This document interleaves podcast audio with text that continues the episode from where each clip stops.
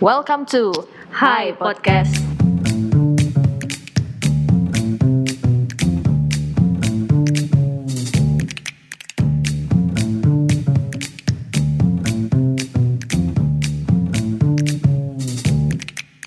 Hai hai hai apa kabar? Wow, sepertinya sudah lama sekali kita tidak mengupdate ya Dinnya. Iya. Ada kali sekitar hampir dua bulan ya Dina kita nggak update nih podcast kita. Tapi jangan khawatir, hari ini kita datang lagi, hari ini kita hadir lagi. Tentunya akan membahas satu isu atau fenomena yang menyangkut dengan eh, kajian hubungan internasional. Nah, tentu saja aku tidak sendiri, ada saya Ayu Kartika dan Saya Dina Magdalena dan kami berdua akan menemani teman-teman dalam perbincangan topik podcast kali ini. Podcast eh, edisi kedua ya, Kayu. yes, betul. Dan telah hadir bersama kita ada dua narasumber yang akan bersama-sama membahas tentang musik. Ya, Hmm, betul. Jadi di podcast kali ini Dina kita akan membahas all about music. Jadi bukan hanya bercerita tentang uh, musik sebagai entitas seni, tapi juga bagaimana posisi musik itu dalam kajian hubungan internasional. Dan tidak kalah penting, sebentar nih kita juga akan kedatangan salah satu narasumber penting yang akan bercerita tentang uh, salah satu kota di Indonesia yang sudah dinobatkan sebagai kota musik dunia. Nah ini pasti banyak yang nggak tahu nih. Jadi hari ini kita akan coba share informasinya. Sudah hadir bersama kita di podcast hari ini. Yang pertama adalah uh, Kak Zulhair Burhan atau kita sering sapa sebagai Kak Bob, sebagai Ketua Prodi Hubungan Internasional dan juga peneliti ekonomi kreatif khususnya di kawasan Timur Indonesia. Dan kemudian ada Pak Roni sebagai Direktur Ambon Music Office dan juga sebagai Focal Point UNESCO City of Music. Halo Pak Halo. Roni, hai Halo, halo, halo, halo. Yes, yes, yes. Wow, sudah lengkap nih Din. Kita kayaknya bisa mulai nih. Pertama, silakan deh. Coba Dina. Kira-kira mau nanya apa nih terkait dengan musik nih Din? Silakan. Nah, ini menarik ya Kak. Yuk kita membahas mengenai musik dalam podcast HI. Nah, mungkin Betul. kita eh, ke Kak Bob dulu selaku em, salah satu juga dosen pengampu mata kuliah Ekonomi Kreatif dan Pembangunan Global ya Kak di Yes, Prodi HI Uni- Universitas Bosowa. Gimana kita bisa melihat musik sebagai sebuah entitas HI Kak? Dan posisi musik itu seperti apa sih kalau misalnya kita mau melihatnya dalam konteks studi hubungan internasional itu sendiri? Oke, ah, pertanyaan menarik sekali. Jadi eh, selain eh, apa saya mengampu mata kuliah ekonomi kreatif dan pembangunan global di HI Unibus, kita juga punya mata kuliah pilihan sih mata kuliah budaya populer dan politik global. Jadi yang secara spesifik gitu eh, mencoba mengkaji kelindan budaya populer, salah satunya musik dan eh, hubungan internasional atau politik global itu di mata kuliah budaya populer dan politik global itu. Nah, kalau kita bicara secara general tentang bagaimana kelindan eh, apa produk budaya populer seperti musik dalam HI sebenarnya eh, sudah ada kajiannya sendiri, kajian yang kemudian jadi mata kuliah itu dan itu sebenarnya eh, berkembang itu di negara di negara Inggris itu seiring dengan perkembangan industri kreatif gitu.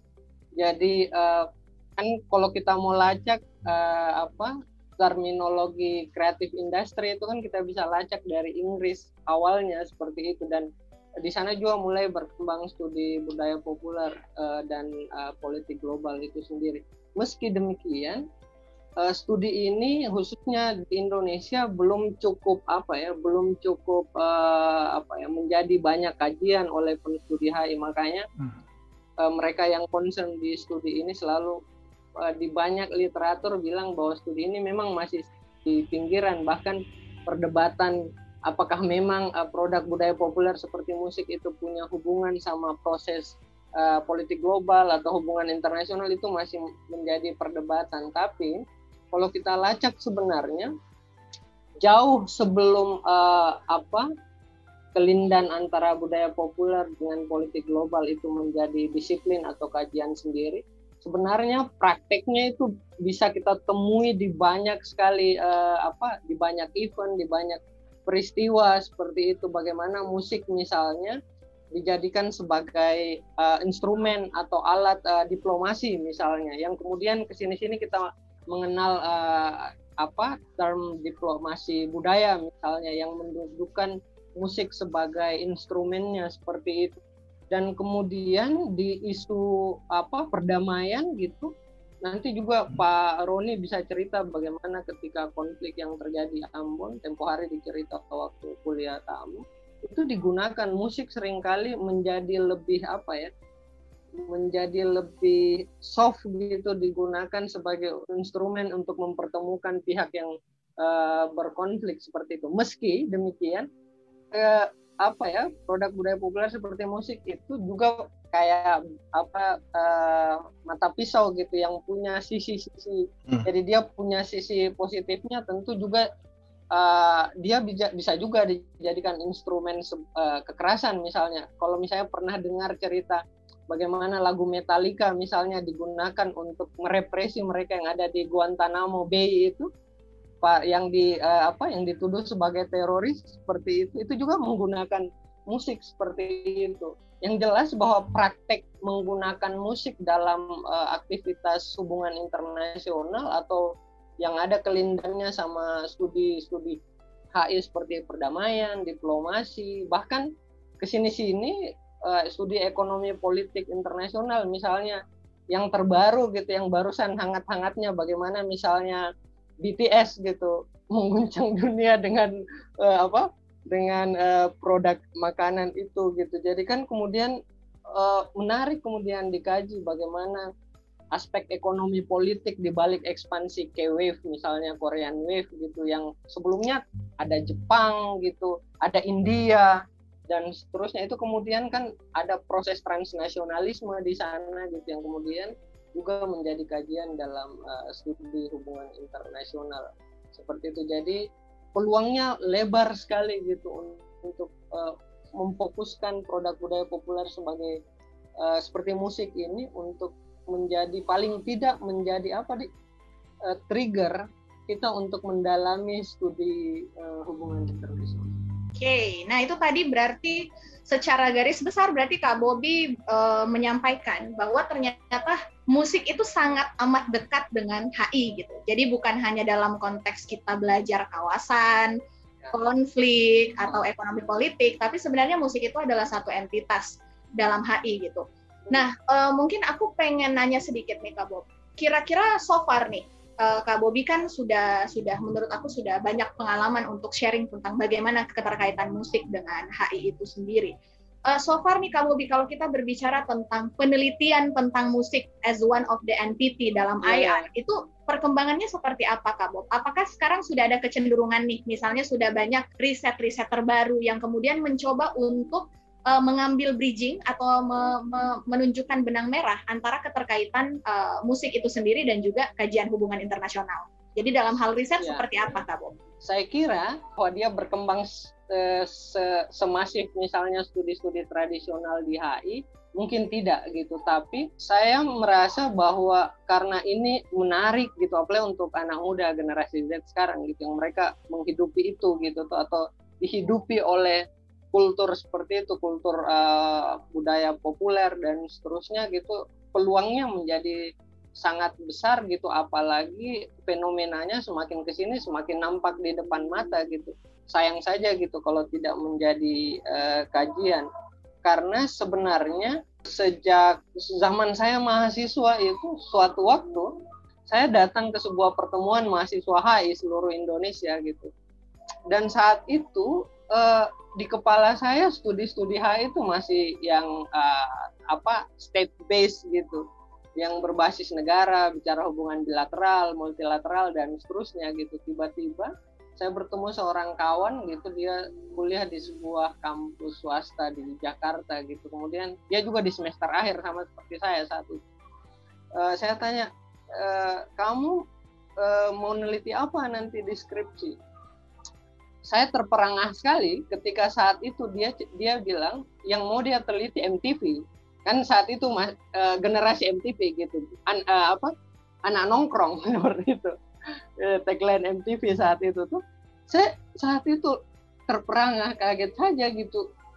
Wah studi Hai sudah sampai di sini ternyata gitu ke studi tentang MTV dan seterusnya. Dan itu semakin ke sini semakin berkembang. Di Unibos saja misalnya hampir setiap semester gitu selalu saja ada studi-studi. Mungkin tidak tidak selalu musik tapi yang ada kaitannya sama budaya populer seperti film itu selalu ada dan atau fashion misalnya gitu. Dan saya senang saja senang sekali gitu. Karena akhirnya treatment kita terhadap studi ini tidak monoton gitu di hard politik saja gitu. Tapi juga di soft politik misalnya berapa tahun yang lalu ini mahasiswa saya nih Pak Roni dia kebetulan tahun lalu diterima PNS di Inspektorat di Maluku Pak Roni gitu dia nulis skripsi tentang musik jadi ada uh, sebuah uh, choir itu paduan suara di Palestina gitu, lupa saya nama paduan suaranya. Yang jelas itu di, dibentuk salah satunya oleh Edward Said yang orientalis itu. Uh, di, jadi dia kan dia keturunan Palestina bersama salah satu musisi yang keturunan uh, apa Israel seperti itu mereka membuat paduan suara gitu berisi anak muda dari kedua uh, pihak yang berkonflik ini Palestina maupun Israel, semangatnya mau menunjukkan bahwa sebenarnya kita bisa memproduksi ruang di mana dialog itu bisa diinisiasi gitu dan musik menjadi instrumen untuk membangun ruang itu. Itu ditulis sama mahasiswa saya Pak Roni yang sekarang dia dikerja di inspektorat di Ambon kata itu nanti siapa tahu bisa ketemu sama Pak Roni bisa cerita-cerita lebih jauh. Kayak gitu sih ayo gitu. Jadi memang perkembangannya menurutku paling tidak yang saya amati di kampus sendiri belum masif tapi semakin ke sini karena itu tadi fenomenanya mereka yang army misalnya gitu.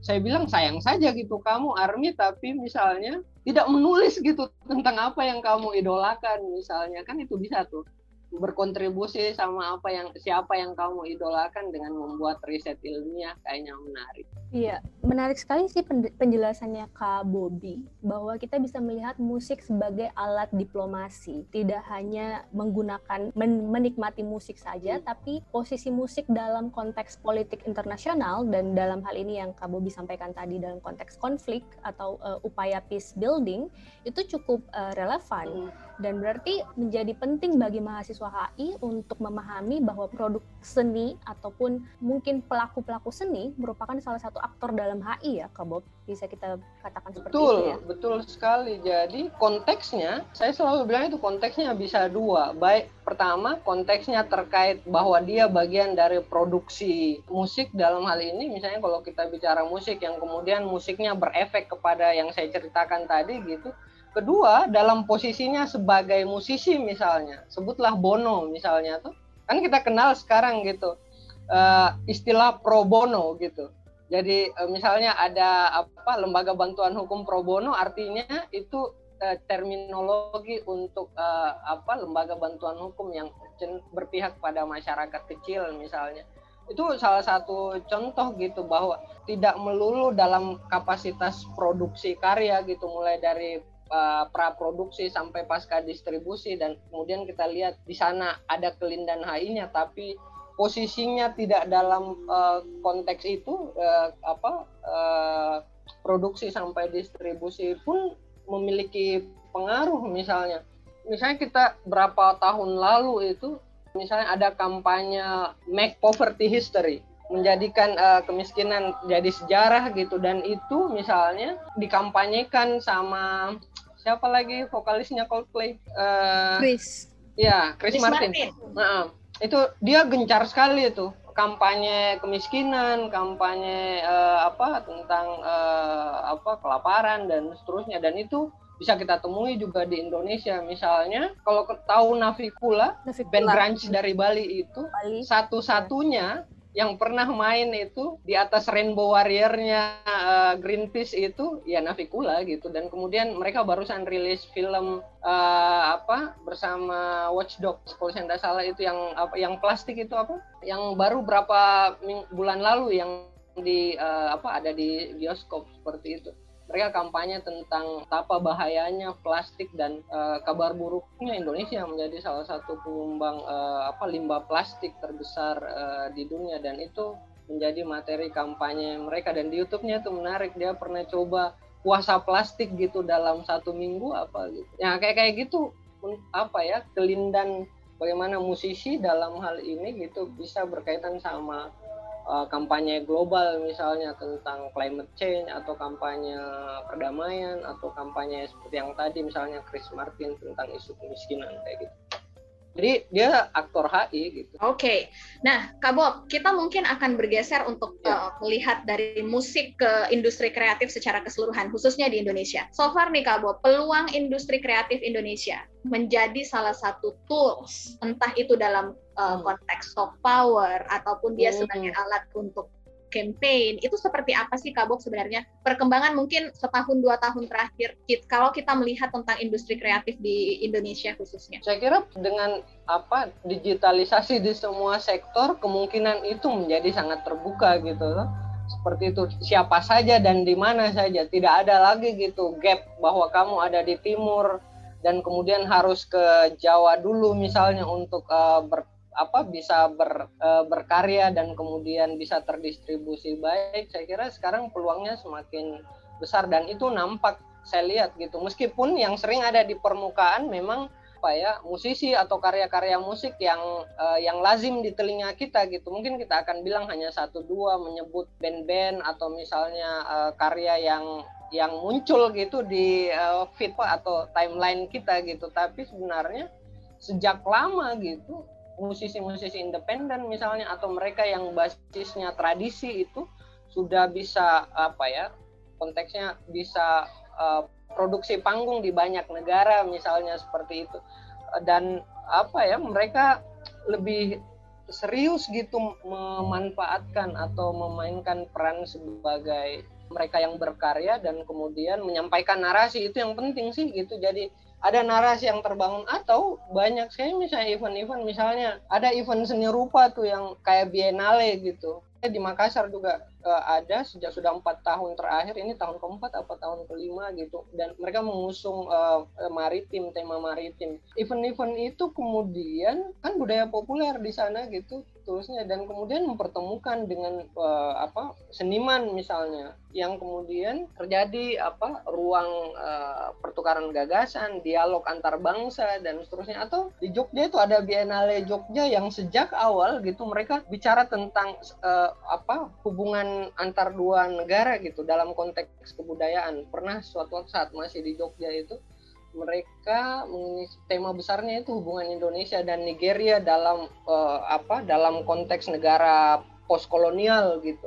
Jadi maksudku itu jadi jadi pintu yang uh, menarik saya untuk melihat satu tentunya yang seperti yang Ayu tanyakan bagaimana kemungkinan gitu uh, melihat musik dalam hal ini dalam konteks uh, industri kreatif peluangnya uh, besar sekali gitu. Hanya memang sering kali yang kita lihat hanya yang di permukaan tapi kalau kita digging gitu mencoba menggalinya lebih jauh fenomena berkembang. Saya mungkin meskipun di, di misalnya kalau kayak di Makassar kalau kita mau hitung presentase atau bahkan di kota yang relatif mapan misalnya skena musiknya gitu presentasenya sama keseluruhan uh, apa uh, presentasi pertumbuhan ekonomi memang belum cukup signifikan gitu tuh seperti tapi kan saya kira semakin ke sini semakin didorong gitu. Munculnya uh, kota-kota kreatif juga itu atau nanti Pak Roni cerita bisa cerita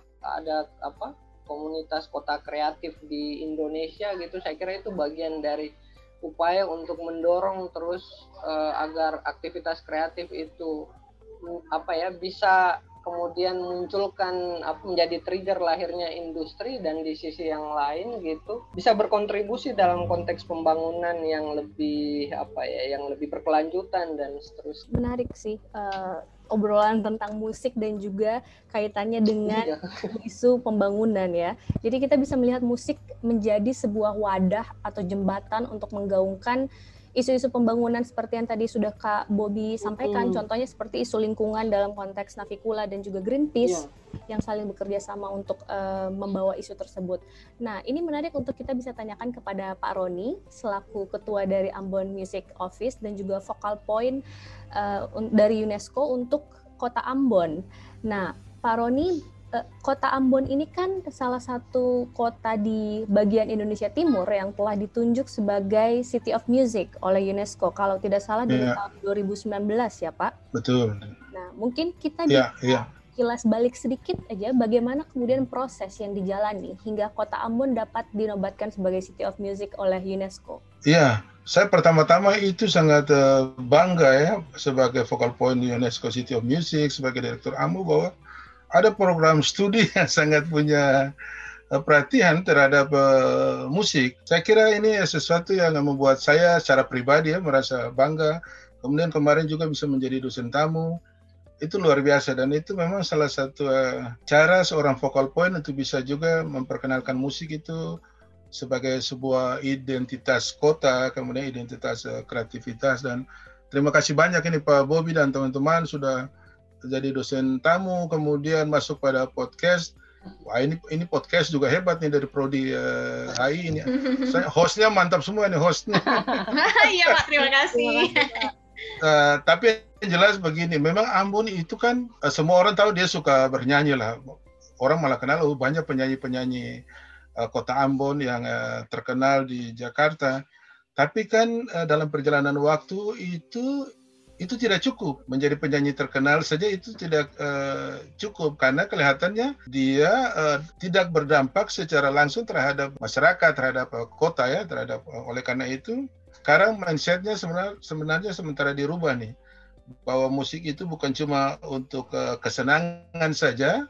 Kan banyak penyanyi amul itu mungkin dari sisi itu ya jadi hobi. Tapi sudah mengarah kepada industri uh, kreatif ya industri kreatif. Berarti yang kita harus bangun adalah konsep uh, ekonomi kreatif itu di tengah-tengah uh, musisi itu sendiri atau juga uh, nanti berdampak kepada masyarakat.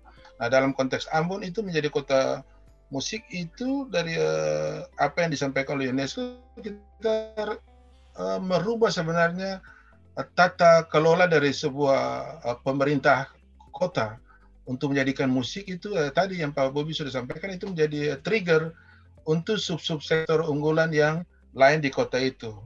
Nah itu sebenarnya yang uh, paling penting sehingga Ambon tidak hanya bernyanyi, tidak hanya bermain uh, musik, tapi dia punya dampak terhadap uh, masyarakat, terhadap pembangunan kota itu sendiri. Nah itu sebenarnya yang paling penting dari UNESCO. Lalu yang jelas dia harus berakar pada budaya dari uh, masyarakat Ambon itu sendiri.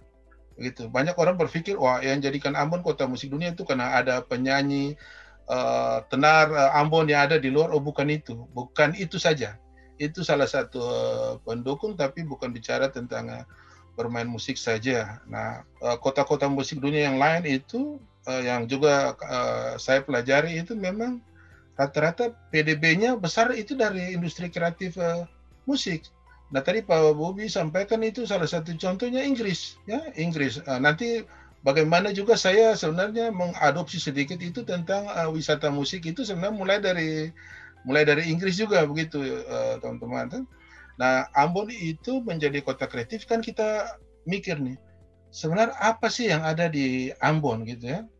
Untuk uh, berdampak secara ekonomi kreatif menuju industri kreatif. Itulah kerja keras yang uh, kita lakukan. Jadi kita sudah menyatakan kepada dunia, kepada UNESCO bahwa Ambon itu punya DNA dan intuisi bermusik yang tinggi. Itu saja. Ini tidak ada sekolah musik yang uh, hebat, oh Makassar luar biasa. Tapi itulah menjadi ciri yang kuat dari uh, sebuah kota Ambon. Nah itu kemudian dipakai sebagai alat. Nah uh, Pak Bobi dan teman-teman semua, saya pada awalnya juga kan tidak mengerti nih. Ini saya cuma mengerti, oh disuruh mengurus kota musik, oh pasti bermain mungkin bermain musik lah sejak setelah menjadi kota musik itu lebih banyak bermain musik event di mana-mana ya tapi ternyata setelah menjadi kota musik dunia mengerti konsep yang dikembangkan dalam hubungannya dengan uh, Sustainable Development Goals, waduh ceritanya sangat panjang, sangat banyak pekerjaan. Oleh karena itu, ya Ambon menjadi kota musik dunia itu menurut saya pintu gerbang masuknya musik ke Indonesia. Sebenarnya itu dengan status yang jelas bahwa kita secara legitimate itu sudah menjadi bagian dari uh, UNESCO Creative Cities uh, Network. Nah dampaknya itu sangat besar ya, Dina maupun Ayu itu komunitas musik di Ambon pertambahannya sudah luar biasa. Nah pada presentasi di kuliah itu saya sudah sampaikan beberapa hal yang uh, menjadi peningkatan kita. Misalnya saja, dulu orang tidak pernah bicara inovasi pelayanan publik dari pemerintah. Uh, kota atau kabupaten itu dengan menggunakan musik ya orang lebih banyak bicara oh kesehatan ya tapi setelah Ambon menj masuk menjadi 11 inovator pelayanan pu publik terbaik di 2019 2020 itu baru oh ternyata musik itu sesuatu yang bisa bisa mendorong inovasi, mendorong kota untuk berinovasi. Sehingga yang uh, kita kerjakan itu di Ambon adalah uh, yang terutama yang tugasnya saya itu adalah pertama itu merubah mindset semua birokrat untuk mengarahkan mindset mereka, perencanaan mereka itu mengarah kepada musik. Karena itu dulu, kalau tidak ada dukungan dari pemerintah itu agak repot untuk membangun uh, kota kreatif. Yang pertama, kemudian yang kedua, kita berupaya merubah, merevisi Pak Bobi semua RPJMD kota itu untuk mengarah kepada musik. Nah itu juga tidak semudah itu. Lalu yang uh, berikut uh, perencanaan di kota itu saya sampaikan bahwa bukan masyarakat itu atau komunitas itu memenuhi program atau proyek yang, yang direncanakan oleh kota, tapi pemerintah kota, kota harus turun tanya masyarakat. Ini uh, kebutuhannya apa? Nah, kebutuhannya apa itu yang menjadi perencanaan dari pemerintah. Kan, sering kali terbalik tuh begitu. Jadi saya bilang kalau masyarakat membantu pemerintah masuk pada program atau proyek pemerintah itu berarti masyarakat memfasilitasi pemerintah. Pada harusnya eh, terbalik. Nah saya tidak tahu dari sisi HI itu bagaimana hubungan uh, apa, diplomasi atau hubungan internasional seperti apa. Tapi setelah saya pelajari di luar uh, negeri itu beberapa kota musik dunia yang saya kunjungi, ternyata memang pola itu yang dipakai. Jadi pemerintah nanya masyarakat maunya apa, ya di apa Hanover di Hanover yang banyak paduan suara. Ada 400 paduan suara Hanover menyebabkan uh, Hanover menjadi uh, kota musik dunia. Nah dari 400 paduan suara itu ternyata mereka kan punya dampak tuh. Uh, dari 400 paduan suara itu yang tadi Pak uh, Bobi sudah sampaikan mereka bermusik mereka tampil lalu mereka punya pengaruh yang kuat terhadap dari sisi pertunjukan lalu sektor-sektor lain uh, ikut mendukung. Banyak penonton yang datang kalau datang, kalau itu dibikin di lapangan, maka banyak kuliner yang masuk. Begitu banyak kuliner yang masuk, banyak fotografer yang masuk, banyak narasi-narasi yang uh, dibangun.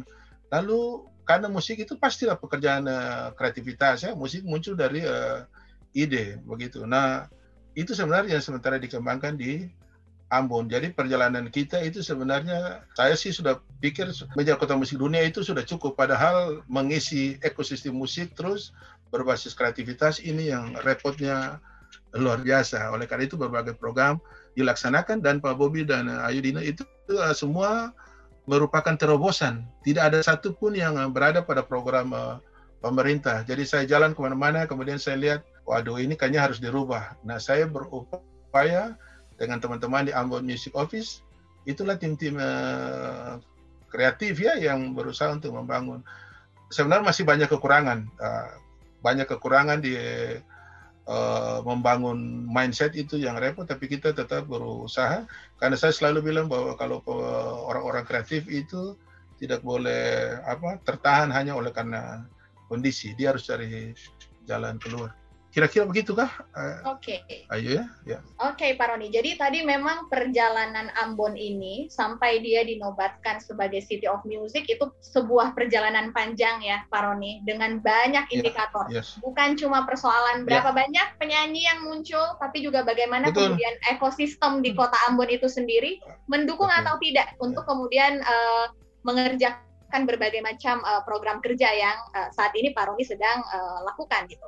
Nah, ya, menarik ya. nih Pak Roni, mungkin boleh di-share sedikit nih Pak Roni, aku tertarik dengan yang uh, program Sound of Green. Jadi aku sempat lihat di presentasinya Pak ya. Roni tentang itu.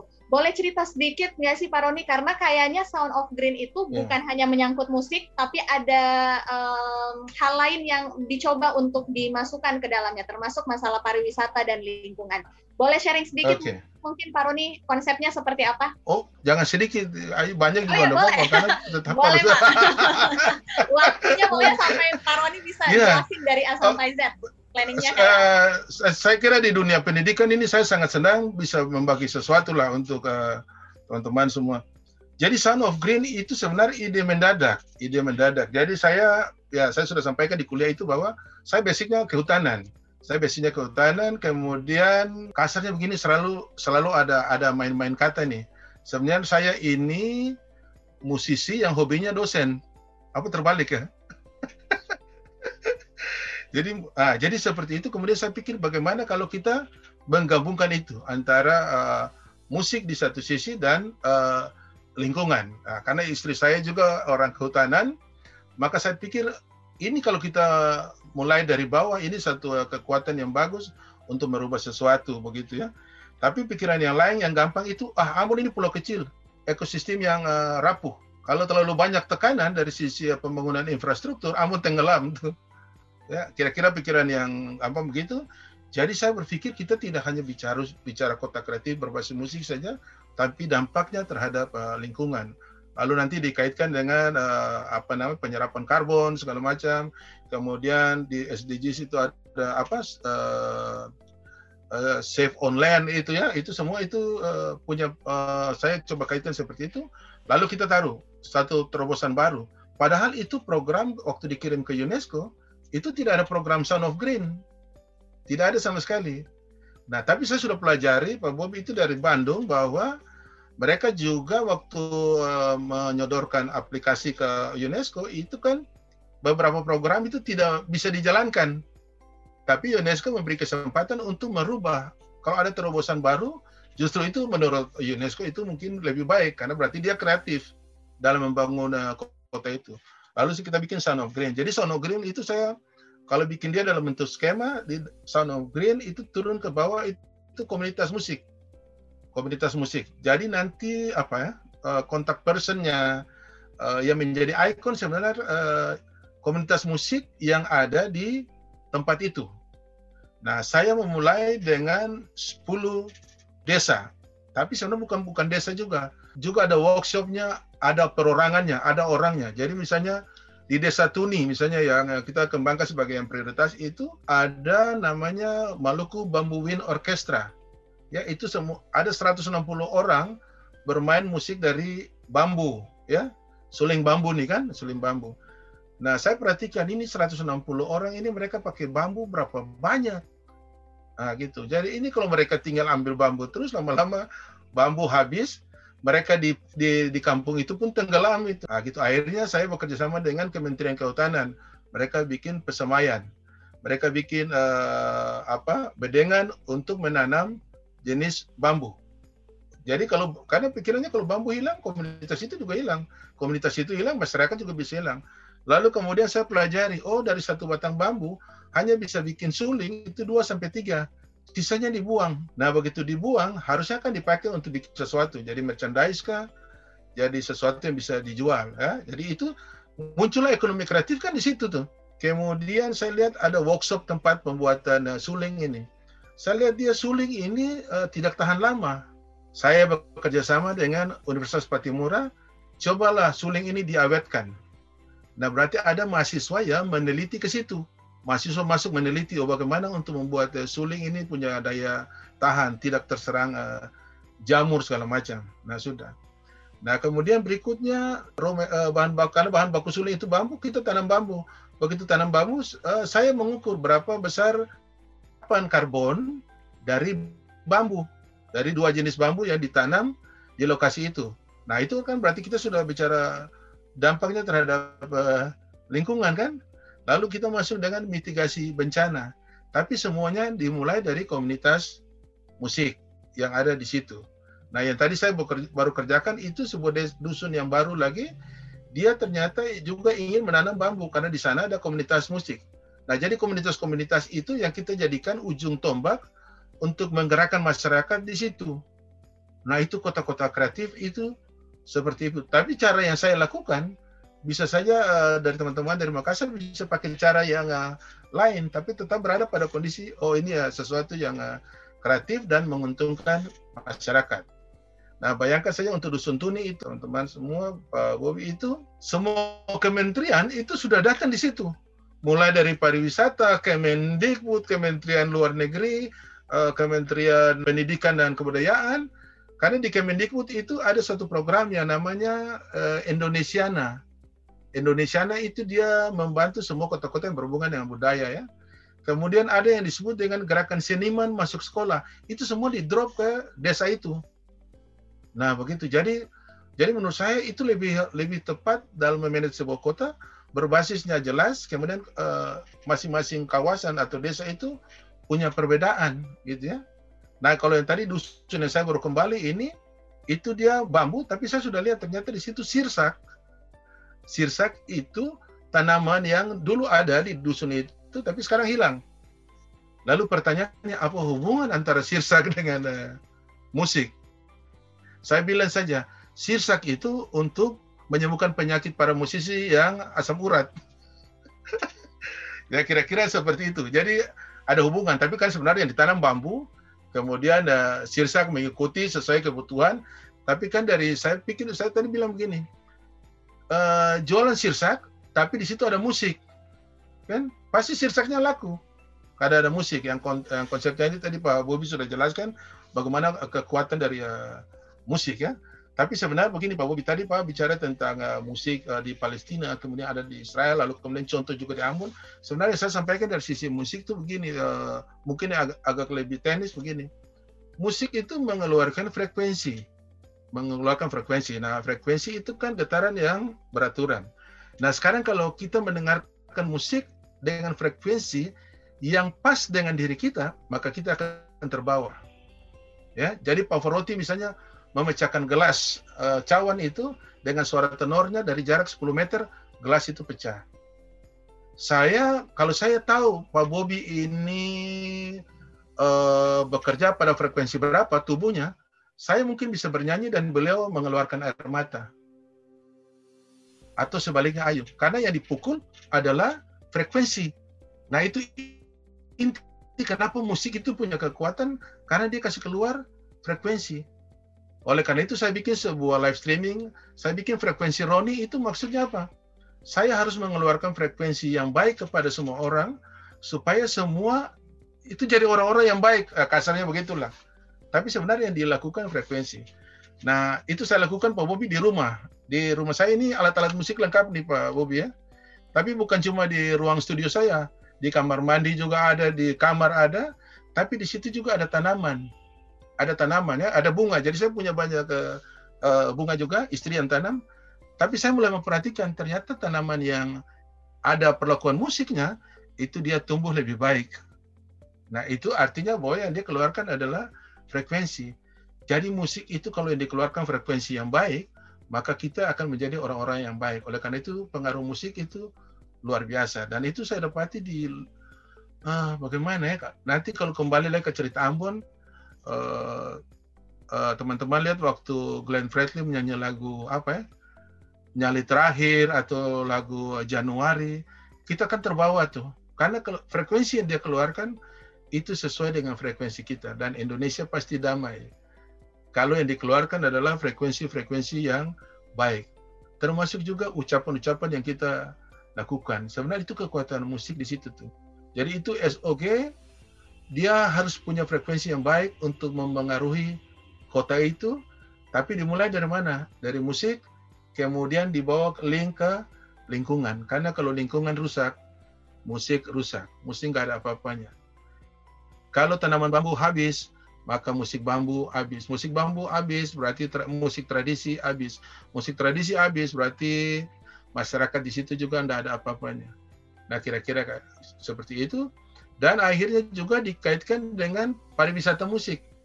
Indonesia ada pariwisata halal ya, tapi sekarang, sekarang saya bikin terobosan pariwisata musik. Itu sudah dimulai dari Inggris itu Pak Bobi bahwa uh, semua objek yang berhubungan dengan pariwisata itu dijadikan pariwisata musik sehingga orang berkunjung itu bukan cuma lihat objek alam ya, yang kita kembangkan di sini bukan cuma lihat alam, tapi datang ke rumah saya misalnya saya bisa bercerita tentang bagaimana Kus Plus itu dulu uh, bermain musik saya bisa bercerita tentang bagaimana saya bermusik narasi-narasi itu yang punya kekuatan untuk menjadi objek wisata lalu sektor yang lain uh, ikut misalnya kemarin itu Pak Bobi teman-teman dari Bandung itu datang uh, ke rumah dan mau bicara dengan saya kemudian mereka membuat video kan mereka bikin video tapi begitu masuk di rumah saya punya eh, istri saya punya koleksi bel punya koleksi bel. Kemudian tema yang tadinya musik itu dia beralih ke juga ke bel. Kemudian begitu lihat banyak bunga, beralih ke bunga. Jadi saya memulai itu semua dari rumah. Kalau konsep itu saya bangun, saya coba dari rumah. Oh ini betul nggak? Uh, itu betul kita coba keluar. Nah sekarang pemerintah pemerintah Kota Ambon itu sangat uh, berkembang. Uh, kota itu sangat berkembang karena musik menjadi uh, uh, pemicu atau menjadi pusat dari uh, perencanaan kota itu. Walaupun itu tidak semudah membalikkan telapak tangan, tapi kita bekerja keras untuk itu. Kira-kira begitu kak? Ya, baik. Kalau uh, tidak jelas sampaikan ya. ya.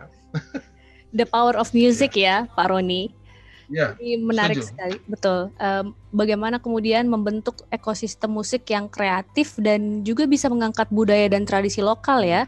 Dan ya. seperti yang tadi Pak Roni sampaikan, ju justru juga berdampak terhadap pertumbuhan ekonomi lokal skala ya. mikro. Ya. Ya. Nah, ini ini menarik sekali sih Pak Roni dan tentu tidak mudah seperti yang Pak Roni sampaikan untuk kemudian uh, mengupayakan ada 10 desa yang juga uh, memberdayakan komunitas-komunitas lokal untuk terlibat dalam pengembangan uh, industri kreatif di Kota Ambon itu sendiri. Nah, mungkin Pak Roni bisa sampaikan dan berbagi kepada kita hambatan-hambatan uh, yang dirasakan dan dialami mungkin dalam mewujudkan Sound of Green ini dan proses menyatukan musik, pariwisata dan juga lingkungan. Kira-kira ya, seperti ya. apa, Pak? Uh, jadi ke kendala yang paling utama itu kalau berhubungan dengan masyarakat, saya pikir itu uh, sebagai inovator, sebagai orang yang kreatif, kita harus punya cara uh, untuk punya pendekatan dengan uh, masyarakat. Nah, yang uh, sebenarnya menjadi pekerjaan rumah paling penting itu adalah bagaimana mensinergikan antara uh, Ambon Kota Kreatif Berbasis Musik itu kepada birokrat. Karena SKPD-SKPD yang ada itu masih natural gitu ya. Nah sekarang bagaimana mereka harus diarahkan ke musik. Karena banyak punya pikiran juga bahwa musik itu ah karena hobi bermusik jadi kita bicara tentang uh, musik kan, tapi sebenarnya itu semua perencanaan harus masuk ke dalam musik dan itu menjadi uh, pekerjaan utama sebenarnya untuk merubah pola perencanaan di kota itu. Nah, misalnya juga untuk wisata musik harus ada upaya keras untuk merubah kebiasaan uh, bukan kebiasaan pariwisata kita kan sudah lebih banyak pariwisata berbasis objek ya, alam yang indah ya. Kemudian baru musik ke sana. Nah ini kan saya mencoba merubah justru musiknya di atas, baru menarik orang untuk datang ke uh, objek wisata itu, baru melihat alamnya, karena ada musik di situ.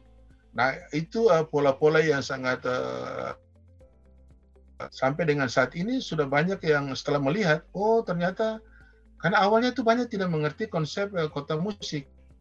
Karena kalau yang lengkapnya adalah kota kreatif berbasis uh, musik. Nah, seperti itu. Jadi akhirnya orang harus tahu bahwa itu pekerjaan kreativitas yang mencoba keluar dari kebiasaan yang ada. Saya saja dalam inovasi pelayanan publik itu kita mampu di kota itu menekan pengangguran itu 1,5 persen. Pengangguran 1,5 persen. Itu itu satu luar biasa. Nah, yang yang saya mulai dari mana? Dari para musisi ini yang dulunya dia tidak uh, mendapatkan royalti dengan baik. Nah, coba kita beri royalti, kita beri insentif, kemudian semua event-event yang ada baik di dalam negeri maupun uh, di luar negeri, kita coba libatkan mereka. Nah, akhirnya mereka juga punya tingkat pendapat uh, tersentuh. Nah, kita sampai ke tingkat itu kemiskinan itu bisa kita tekan 0,5 persen. Nah begitu. Lalu kemudian uh, Tuhan dari musik. Lalu semua ka kafe bertambah. Kafe-kafe bertambah di Ambon artinya bahwa nanti musik-musik live juga bertambah. Nah, royalti yang dibayarkan ke mereka juga pas, walaupun secara nasional itu masih repot. Ya, tapi kita mencoba itu. Lalu uh, kemudian kita mulai melihat, oh ada pengaruh juga Pak uh, Kota Ambon bahwa dengan bergeliatnya pertumbuhan ekonomi dari sisi musik itu mempunyai dampak yang kuat terhadap uh, pendapatan di Kota Ambon ya. Jadi yang paling susah itu saya mencoba mensinergitaskan antara uh, Ambon Kota Musik Dunia dengan perencanaan yang ada masing-masing OPD ya atau SKPD pada pemerintah. Menurut saya masyarakat ini kan tinggal menunggu apa yang kita uh, ingin buat ya nah, itu. Lalu kemudian uh, pendidikan musik itu sudah mulai uh, cukup berkembang. Lalu kemudian yang uh, berikut infrastrukturmu infrastruktur yang ada di Kota Ambon itu sekarang ikonnya justru logo Ambon City of Music, kemudian uh, apa namanya zebra piano ya bentuknya itu sebenarnya salah satu cara kira-kira begitu Yes, wow, semangat nah. yang luar biasa berarti ya Pak Roni, yang tentu saja semangat itu harus ditularkan bukan nah. hanya uh, ke masyarakat terdekat, tapi ke seluruh masyarakat Indonesia nanti pada umumnya. Dengan yeah. semangat tersebut, yeah. pasti harapannya adalah bagaimana kemudian musik itu tidak hanya dilihat sebagai instrumen menghibur atau entertainment, tapi bisa menciptakan yeah, yeah. ekosistem yang lebih uh, baik untuk industri kreatif. Yeah. Nah, kita geser sedikit nih, uh, penasaran apa pendapat uh, Kak Bobi? Lebih tepatnya, Kak Bob, bagaimana kemudian memanfaatkan momentum dinobatkannya kota Ambon sebagai kota musik oleh UNESCO ini untuk melihat posisi musik dalam uh, kajian HI? Gimana Kak Bob kira-kira? Di studi uh, apa uh, ekonomi kreatif dan pembangunan global semester ini itu fokus yang coba kita uh, diskusikan itu overall itu tentang how to localize the uh, apa SDGs value gitu. Bagaimana membuat uh, ada kesepakatan global itu kemudian bisa manifest gitu dalam kerangka lokal. Ah itu kan persoalan gitu tuh seperti itu. Jadi sering kali ada kesepakatan di ranah global, tapi ketika sampai di ranah lokal itu eh, di sana ada tantangan gitu dan seterusnya gitu. Nah, itu yang coba kita uh, diskusikan dengan menggunakan uh, sektor kreatif gitu sebagai uh, study case-nya seperti itu. Nah, nah yang menarik gitu dari Kota Ambon paling tidak yang sudah disampaikan uh, oleh Pak Roni beberapa waktu lalu ketika kuliah umum gitu.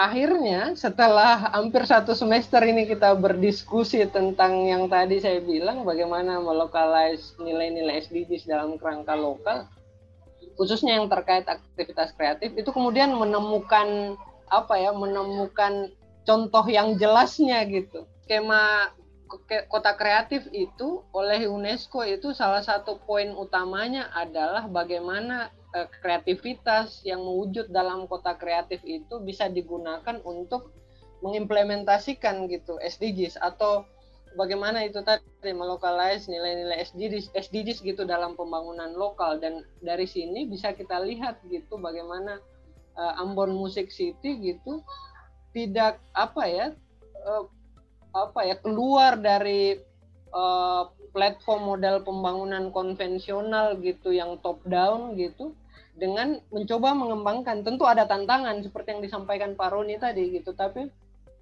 kan pembangunan itu butuh perencanaan dan dari apa yang disampaikan oleh Pak Roni bisa terlihat jelas gitu bagaimana partisipasi misalnya yang menjadi ruh gitu dari Creative City.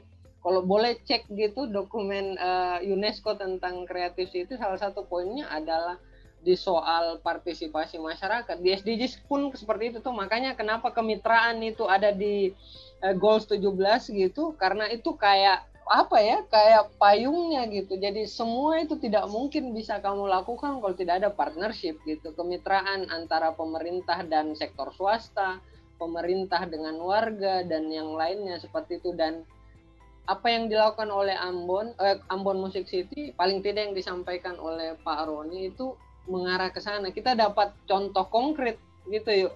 Bagaimana eh, kreativitas musik dalam hal ini bisa dijadikan sebagai uh, tidak hanya alat gitu, tapi sekaligus menjadi ruang di mana uh, strategi pembangunan berkelanjutan itu diinisiasi kayak begitu dan saya jadi penasaran saja gitu apalagi uh, Pak Roni apa ya dari rancangan misalnya yang tadi Sound of Green itu kayak menarik sekali. Di sana ada ada apa goals SDGs yang kaitannya uh, lingkungan climate change tentunya gitu. Ada yang kaitannya sama program-program uh, meningkatkan uh, ekonomi warga. Kemudian ada yang terkait dengan pendidikan. Dan yang lainnya tentu kota terkait sustainable city juga pastinya gitu. Kota yang berkelanjutan membayangkan kota yang berkelanjutan ya. selalu saya bilang tidak apa ya susah membayangkan kau punya desain kota yang berkelanjutan tanpa hmm. partisipasi warga seperti itu. Dan tidak mungkin tanpa kreativitas. Kalau ada kota yang me mengklaim dirinya berhasil mewujudkan goals uh, sustainable city dan kemudian temui kotanya kota yang pasif gitu. Tidak ada uh, tidak ada apa ya tidak ada kreativitas yang muncul. Panggungnya deh panggung kreatifnya panggung musik ataupun yang lainnya seperti itu ada ndak gitu? Kemudian ada ndak kebijakan yang memayunginya? Dan itu di stressing sama Pak Roni gitu bahwa dua tahun ini pekerjaan yang paling keras justru adalah bagaimana mendorong agar pemerintah memproduksi regulasi. Karena Pak Roni bilang masalah kita sering kali kalau berganti elit gitu, arah kebijakannya juga berganti gitu. Beda, ya, ya. Seperti itu. Sementara kan yang kita kita cerita ini yang kita rancang adalah keberlanjutan gitu. Bagaimana susah membayangkan tidak ada payung regulasi yang klop yang elit boleh berganti tapi kebijakannya sudah fix sehingga yang dibayangkan sama Pak Roni dan tim beserta masyarakat tentang Sound of Garden eh, Sound of uh, Green itu uh, tentu harus dipayungi gitu dan itu yang diupayakan. Kemudian soal kurikulum dan seterusnya. Menarik sekali karena sudah ada payung regulasinya. Jadi sering kali masalah kita di kota itu kalau menyinggung kreativitas karena selalu berhenti sampai di inovasi. Ketika masuk di ruang produksi regulasi kayak selesai gitu dan selesai pula inovasi itu gitu. Benar dia akan tetap tumbuh gitu tapi ya begitu di ruang-ruang mikro gitu yang uh, itu penting tentunya gitu. Tapi kan uh, daya pengaruhnya itu akan lebih masif gitu kalau ada kebijakannya. Dan Ambon Music City paling tidak dua tahun ini itu memulai itu. Roni kasih lihat kita bagaimana kebijakan itu lahir produk kebijakan yang sudah ada dan seterusnya. Saya kira dalam konteks HI paling tidak itu yuk tentang karena itu ada studinya uh, siapa ini yang Acarya itu? Itu dia ada konsepnya tuh yuk. Dia bicara tentang uh, ya Amitav Acarya itu dia bicara tentang itu tapi konteksnya dia ASEAN sih. Bagaimana ada misalnya kayak rezim gitu aturan hmm. atau kesepakatan bersama norma yang disepakati bersama baik di, di tingkatan global seperti PBB misalnya kayak SDGs maupun yang di tingkatan regional. Kan banyak tuh sebenarnya kita tidak tidak tahu saja gitu. Misalnya di sektor lingkungan kita punya apa untuk uh, meminimalisir kebakaran hutan itu kita sepakati secara ya. kawasan gitu. Ada yang mesti dilakukan. Tapi kan selalu gagal ketika sampai di lokal gitu tuh. Orang kemudian kayak kehilangan relevansi. ASEAN itu apa? SDGs itu apa gitu. Nah hmm. kayak kota Ambon kota musik itu membuatnya lebih grounded kalau kata Rose itu. Pak saya bisa tambah. Boleh Jadi boleh saya, ya di SDGs nih kan tapi begitu proses pengiriman dossier itu ke UNESCO, kan pertanyaan itu berhubungan. Ya. Jadi kan kalau kota kreatif ini pasti kita masuk itu uh, referensinya adalah acuannya adalah pada goals ke 11 kan? Ya, ya, ya. Lalu saya punya pikiran yang sederhana saja.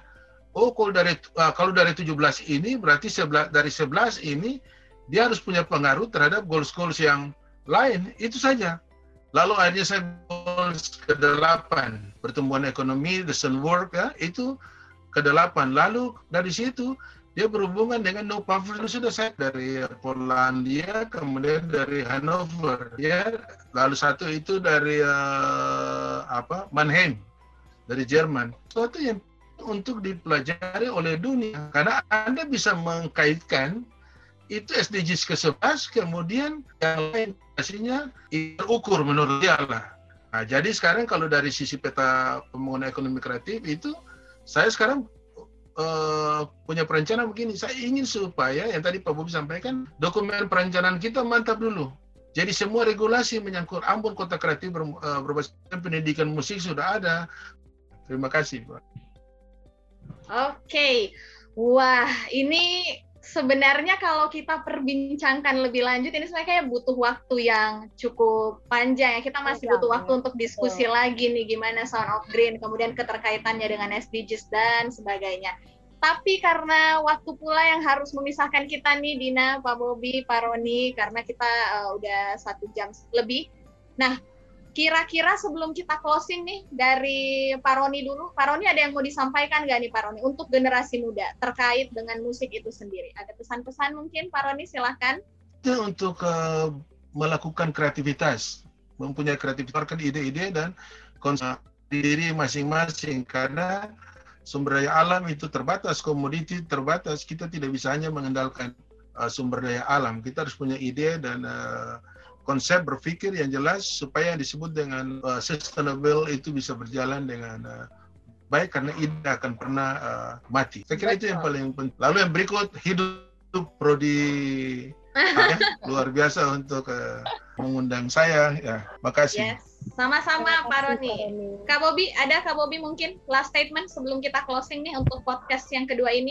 Saya kira kaitannya sama uh, studi HI sih gitu. Jadi apa yang uh, sedang terjadi gitu di Ambon melalui Ambon Music City-nya gitu itu membuka peluang yang besar sekali gitu bagi kita untuk mendekati studi ini atau menyelami lebih jauh studi ini dengan menggunakan tools atau menggunakan eh, hal-hal uh, yang mungkin belum terlalu lazim gitu. Studi ini kan bukan studi yang kaku gitu tuh. Studi yang sangat dinamis berkembang terus bahkan uh, semakin ke sini sangat begitu dekat dengan kita gitu. Jadi makanya musik dan kemudian kelindannya dengan politik global dan kita dapat study case dari Ambon Music City itu harusnya jadi trigger sih gitu bagi kita pun studi HI untuk mendekati studi ini. Konteksnya tidak hanya terkait studi misalnya popular culture and more politics misalnya tapi untuk studi-studi yang memang uh, sudah menjadi apa sudah menjadi uh, hal yang paling dekat dan kita kayak diplomasi kemudian yang tadi misalnya bagaimana melokalize uh, nom, uh, apa uh, global norms misalnya gitu atau studi yang memang tidak berkaitan langsung misalnya sama budaya populer tapi kita bisa mendapatkan case tadinya gitu dari apa yang sedang terjadi di Ambon melalui Ambon Music City-nya gitu. Baik, terima kasih kepada Kak Bob dan juga Pak Roni yang sudah menyempatkan diri untuk berbincang bersama terima kasih, terima kasih. Hai Podcast edisi kedua ini. Yes, betul sekali. Kita kita senang ya Dini ya dapat insight baru, pengetahuan betul. baru. Jadi punya paradigma baru bagaimana untuk melihat HI dan bagaimana juga melihat usaha-usaha untuk membangun uh, ekonomi kreatif yang lebih kondusif, khususnya di Kota Ambon. Betul gitu. sekali. Nah, mungkin untuk lebih lanjutnya buat teman-teman yang penasaran atau ingin cari tahu lebih lanjut mengenai musik dan juga kaitannya dengan HI, itu menarik banget untuk melihat uh, bagaimana di Unibos kita ada mata kuliah ekonomi kreatif dan pembangunan global dan juga ada budaya pop dan politik global ya Kayu. Jadi uh-huh, melihat betul. bagaimana musik dan juga um, ekonomi kreatif menjadi salah satu hal yang bisa dianalisa dalam konteks studi hubungan internasional. Betul nah, sekali. Itu saja mungkin untuk edisi kedua dari hmm. High Podcast kita. Yes, kita pamit undur diri ya Dina. Ada saya Ayu Kartika dan saya Dina Magdalena. Terima kasih dan sampai jumpa di High Podcast edisi selanjutnya. Bye.